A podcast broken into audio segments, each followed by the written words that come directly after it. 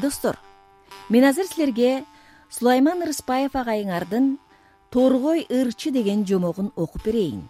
Жакшылап тыңшап уккула илгери илгери кыргыз элинде бир ырчы кедей жигит болуптур. Анын өнөрүнөн башка эч кандай оокаты болбоптур.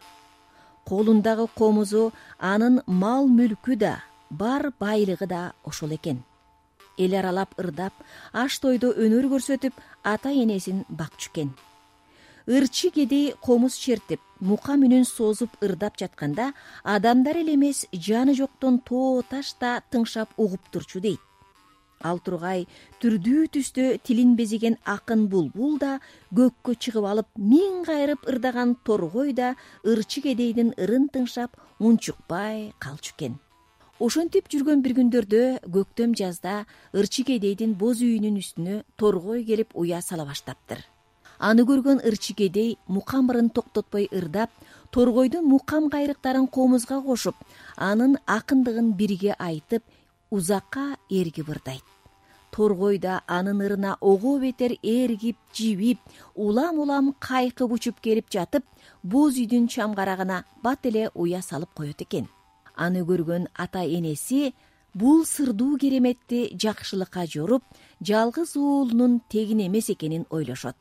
Торгой ошентип кедей жигиттин боз үйүнүн чамгарагындагы уясына күн сайын бирден жумуртка тууп күн сайын кечке мукам үн менен миң түркүн кайрып сайрайт экен.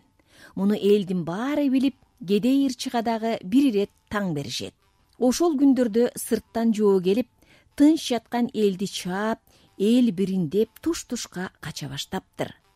Торгой ырчы элин бир болууга үндөп жоого каршы күрөшүүгө чакырат. Бирок күчтүү жоо күчүнө салып элдин белин майыштырат. Ошондо эл туулуп өскөн жерин таштап көчө турган болот. Эл жерин душманга таштап көчүү албетте баарына кыйын болот. Бирок айла жок. Душманга билинбей түн ичинде жапырт көчүп кетишет бир гана торгой ырчы карыган ата энеси менен кара боз үйүндө көчпөй кала бериптир. Ал жөнүндө эч ким билбей калат экен.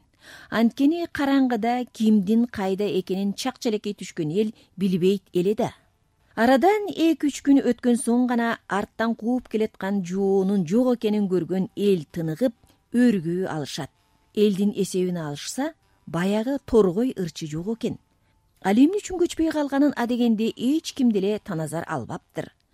Аны жоо колуна түшүп өлгөн экен дешип баары кейишет. Бир кезде гана бир акылман карыя анын чамгарагына торгой уя салып жумурткалап жатпады беле.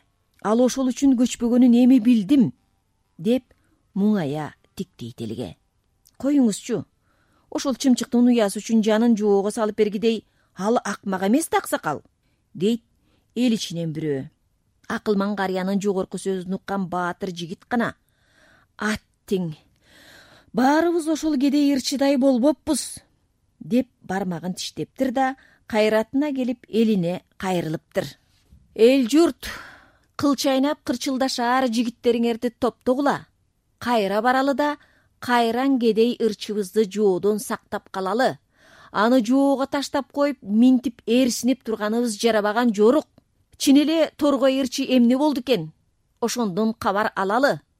Торгой ырчы да эл менен бирге көчөлү деп үйүн бүгөлү дешсе түндө баягы торгой уясынан чукуранат экен. Ошондо эсине келип жараткандын бир макулугунун уясын бузууга колу барбаптыр. Анын үстүнө ошол күндөрдө жумурткалардан кызыл эт балапандар да чыга баштаган эле. Үйдү чечип түндүктү алганда сөзсүз торгойдун үйү бузулат эле да анын жумурткалары сынып кызыл эт балапандары өлүп калат эле да. Ошон үчүн элге жалдырап бизди таштап кайда баратасыңар? деп айта албай же үйүн таштап кете албай көчүп жаткан элге жолтоо болушпай үн сөзсүз кала беришкен тура. Жоо эртең менен кырашып келип ээн калган айылды көрөт. Бир гана эпейген кара боз үйдүн калганын көрүп душмандын баатыры өз жигиттерин жиберет жигиттер келип анын ким экенин элдин кайда кеткенин анын эмне үчүн көчпөй калганын билишип шылдың кыла күлүп баланы баатыр сынып алдына байлап келишет экен. Жоонун баатырынын алдына келип кедей ырчы баягы торгойдун мука менен туурап комузун кайрып келет да үйүнүн чамгарагына торгой уя салып жумурткалаганын анын уясын бузуп кызыл эт балапандарын өлтүрүүгө колу барбай элден калып көчө албай кала бергенин узак ырга кошот. Чаптырган жигиттеринен чын эле ошондой экенин билгенде жоонун баатыры ага ыраазы да болот да таң да калат. Кара баштуу адамдын эле үйүн эмес айбан чымчыктын уясын бузууга колу барбаган адилет бул жигиттин айылын бузуп элин чабууга менин да колум барбай калды деген экен. Анан менден эмне тилейсиң? Тартынбай айт. Торгой акын дейт жоонун баатыры. Менин башымды кессеңиз кесиңиз. Элимдин азаттыгын бериңиз. Элим менен элиңизди жубулаштырбай достоштуруп кетиңиз. Менин мындан артык сураарым жок. Дейт ошондо кедей ырчы тартынбай. Ошол маалда кырдан кылкылдаган көп колдун карааны көрүнөт экен алар баягы жоодон качып көчүп кеткен кедей ырчынын эли болчу.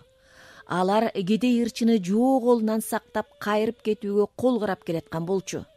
Бирок акын кедей эки элдин ортосуна түшүп аларды жоолашуудан сактап калыптыр. Эки эл акын кедейге ыраазы болуп анын кедей аты өчүп торгой ырчы аталып эл эркеси болуп бактылуу жашап калыптыр. Достор силер жазуучу сулайман ырысбаев агайыңардын торгой ырчы деген жомогун уктуңар. Аны мен силерге журналист бүбүкан досалиева окуп бердим. Жакшы калгыла